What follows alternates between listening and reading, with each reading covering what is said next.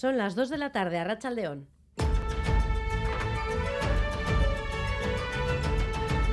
Crónica de Euskadi con Irache Martínez. La plataforma Euskal Escola Público Asarro ha convocado una manifestación en contra de la ley vasca de educación. Aseguran que el texto favorece a la educación privada y no protege a la pública. El PNV ha mostrado su sorpresa por la convocatoria y asegura no entenderla en este momento en el que se siguen recibiendo aportaciones. Niega además que se esté apostando por la educación privada. Escuchamos a la portavoz de la plataforma, Arancha Fernández de Garayalde, esta mañana en Crónica de Euskadi fin de semana y a la presidenta del Vizcay Burubachar hay algo de literatura en el borrador de, anteproyecto de ley, algo que habla de la importancia de la red pública, sí, pero no hay medidas efectivas y más bien se están tomando medidas claras a favor de la red privada. Mi extrañeza absoluta a que se hayan convocado tanto las huelgas para finales de noviembre como para el 14 de diciembre, incluso las manifestaciones, porque me gustaría recordar que la convocatoria de esas huelgas y de las manifestaciones como la de hoy sábado se realizan precisamente en el momento en el que el anteproyecto de ley de educación estaba sometido o estaba en fase de aportaciones y propuestas.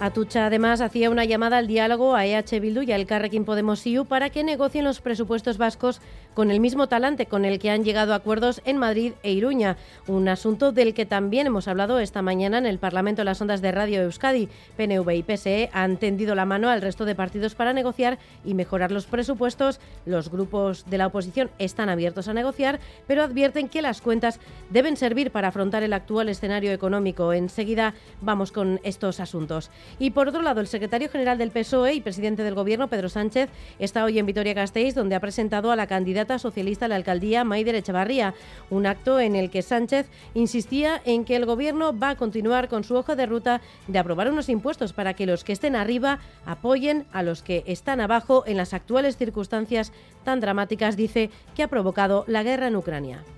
Con calma, pero con plena convicción de que el Gobierno de España va a continuar con su hoja de ruta de aprobar unos impuestos para que los que están arriba apoyen a los que están abajo en estas circunstancias tan dramáticas que ha provocado la guerra de Putin en Ucrania.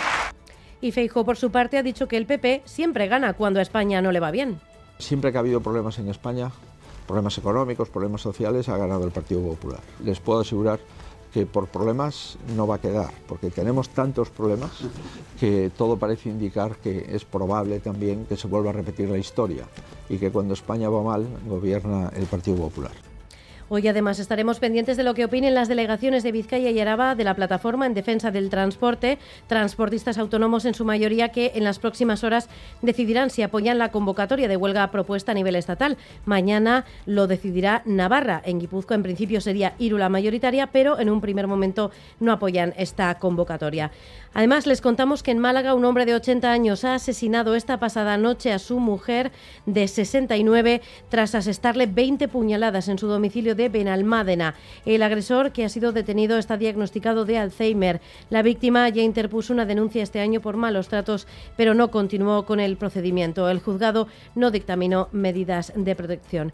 Y vamos ya con un adelanto de los deportes. John Zubieta, Rachaldeón. Hola, Rachaldeón. El Athletic desperdició ayer la ocasión de dormir como equipo Champions tras perder en Montilivi frente al Girona por 2 a 1 y el Alavés se afianzó en lo más alto tras derrotar por 1 a 0 con 10 jugadores durante una hora. Por otro lado, esta tarde Osasuna quiere ser conjunto europeo. Visita en Balaídos al Celta, que ha cambiado de entrenador. En cuanto a la Liga Femenina, la Real Sociedad se ha enfrentado en Zubieta al Madrid Club de Fútbol. Las Churiurdin han perdido 0-2, mientras que el Athletic ha rendido visita al Valencia y se ha impuesto por 1-2 con goles de Clara Pinedo y Paula Arana. Asimismo, Julian Lopetegui ha sido confirmado como entrenador del Wolverhampton. Se hará cargo del equipo inglés a partir del 14 de este mes, semanas después de haber sido destituido del Sevilla. Y en pelota, Ezcurdia y Pello Echeverría buscan esta tarde el billete para disputar la final del 4 y medio. Y repasamos ya el pronóstico del tiempo. Euskalmet Nayera Barredo, Arracha León. A Rachaldeón por la tarde continuaremos con tiempo soleado y solo aparecerán algunas nubes altas en el cielo. El viento soplará del este en la costa, mientras que en el interior soplará muy flojo y variable. De esta forma las temperaturas alcanzarán los 17 o 18 grados en general, aunque a partir del anochecer volverá a refrescar. Y mañana domingo seguiremos con un tiempo tranquilo, aunque las nubes estarán más presentes y se alternarán con claros. En cualquier caso, la probabilidad de lluvia será muy baja. El viento soplará de componente oeste y apenas esperamos cambios en las temperaturas. Por lo tanto, mañana veremos algo más de nubosidad a lo largo del día, pero seguiremos con tiempo estable y en general seco. En carreteras, precaución a esta hora en la A8 en el Valle de Trápaga, sentido Cantabria. Un coche se ha salido de la calzada y hay dos carriles cortados. Recuerden, A8 en el Valle de Trápaga, sentido Cantabria.